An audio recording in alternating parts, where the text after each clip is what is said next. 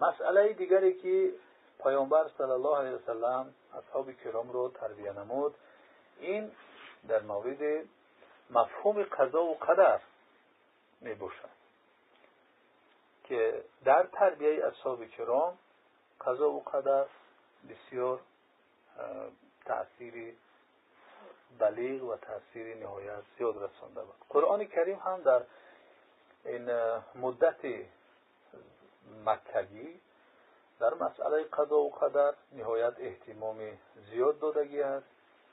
در سوره قمر می‌بینیم آیه 49 خدا میفرماد اعوذ بالله من الشیطان الرجیم. ان کل شیء خلقناه بقدر. همانا هر چیزی که هست ما اون رو با یک مقدار یا به تقدیر ما آفریدگی هستیم. پیامبر صلی الله علیه وسلم در نصهای اصحاب کرام مفهوم قضا و قدر رو به شکلی درست می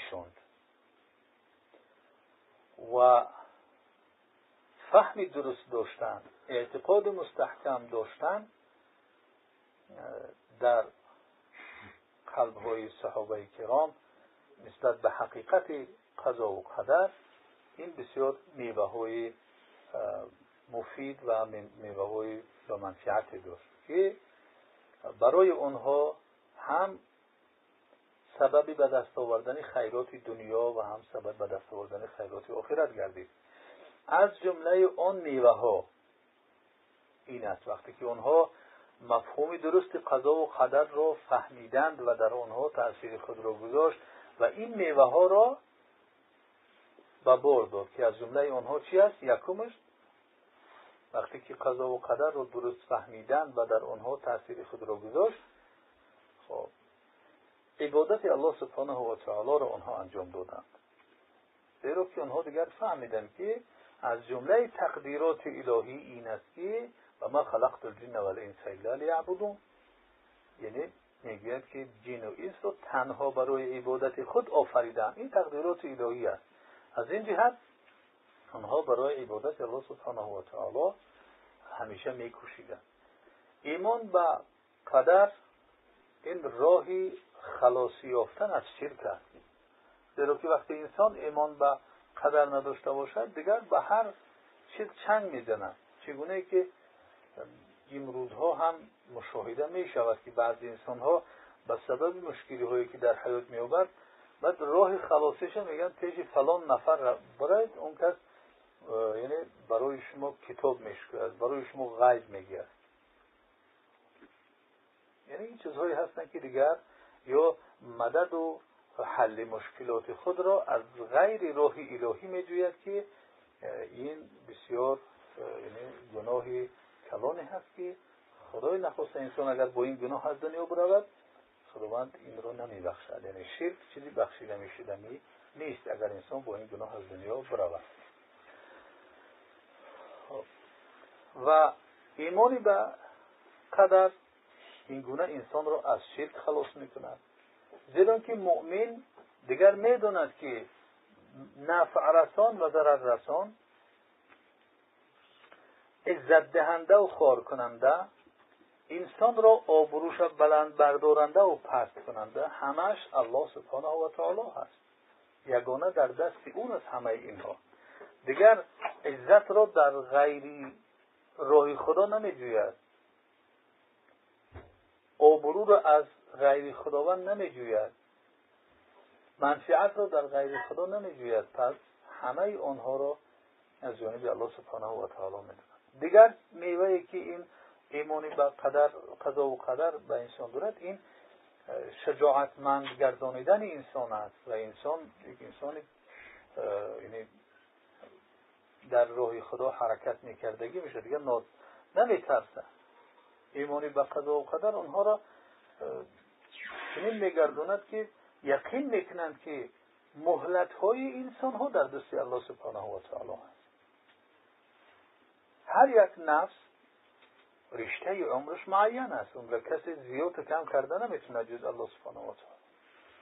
این قضا و قدر انسان رو این گونه انسان شجاع میگرداند که دیگر در راه خدا نمیترسد که اگر من در این خونه که خیسته برم تارک بکنم نماز بخونم مثلا از بین میرم نه دیگر می‌فهمد که باید انسان در وقت نماز نمازش رو بخوند در وقت روزه روزهش رو بگیرد در وقت زکات دادن در وقت حج کردن به هر جایی که خدا اطاعت فرمیده اطاعت باید بکنه. در جایی که امانت داده شد امانت که باید نترسد دیگر از آن امر و فرمایش الله سبحانه و تعالی را اجرا کردن که اگر من اجرا کنم شاید که یکان عمری من کوتاه شود. نه این گونه گفت. در اون کسی که ایمان به قضا و قدر دارد نیست. میوه چهارمه که وقتی که انسان ایمان دارد به قضا و قدر به بار این صبر کردن است. و اجر را از خداوند منتظر بودن است. در مقابل همه مشکلات. مشکلاتی که دیگر به سرش میآید این کوشش دارد که مشکلات را رفت کند. ولی تا حال هم مشکلات رفت نشدن مشکلات سرش میماند. یا بیماری هست یا غیر اون است هر چیزی که نباشد مشکلی که هست چی مادی و چی معنوی این کوشش خود را به خرج می‌دهد ولی مشکلی تا حال هم باقی است. این رو دیگر چکار می‌کند صبر می‌کند زیرا که ایمانی به قضا و قدر دارد و احتساب می‌کند یعنی منتظر می‌شود اجر و پاداشی برداشتی. این مشکلش در نزد خداوند به دست بیارد.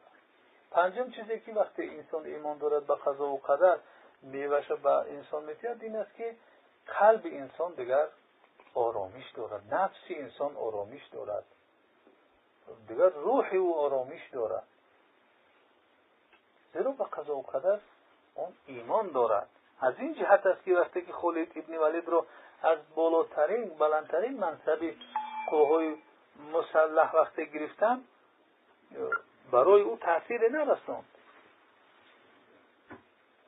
نه عصبش ویران شد نه خون یعنی رگهای خونگرد قلبش یگان تأثیری پذیرفتن. نه یگان تأثیری ب... زیرا که اونها به قضا و قدر و همچون اینها اینها ایمان داشتن. در قلب اونها در نفس اونها در روح اونها این چیزا تاثیر نمی‌کرد. بلکه ایمانی به قضا و قدر. قلب انسان را آرام میگردند نفس انسان را آرام میگردند دیگر روح انسان راحت دارد. میوه دیگری که از این ایمانی به قضا و قدر و بار میورد این است که عزت نفس است. قناعت کردن است. و از بندگی بندگان برآمدن از خود را آزاد کردن است.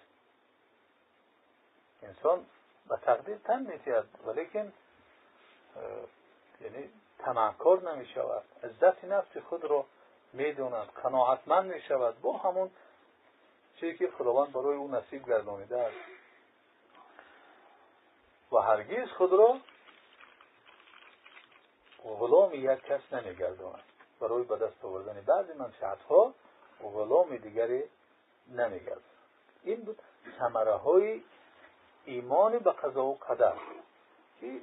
ثمره ها زیاد هستند. ما بعضی از اونها رو فقط اینجا ذکر کردیم.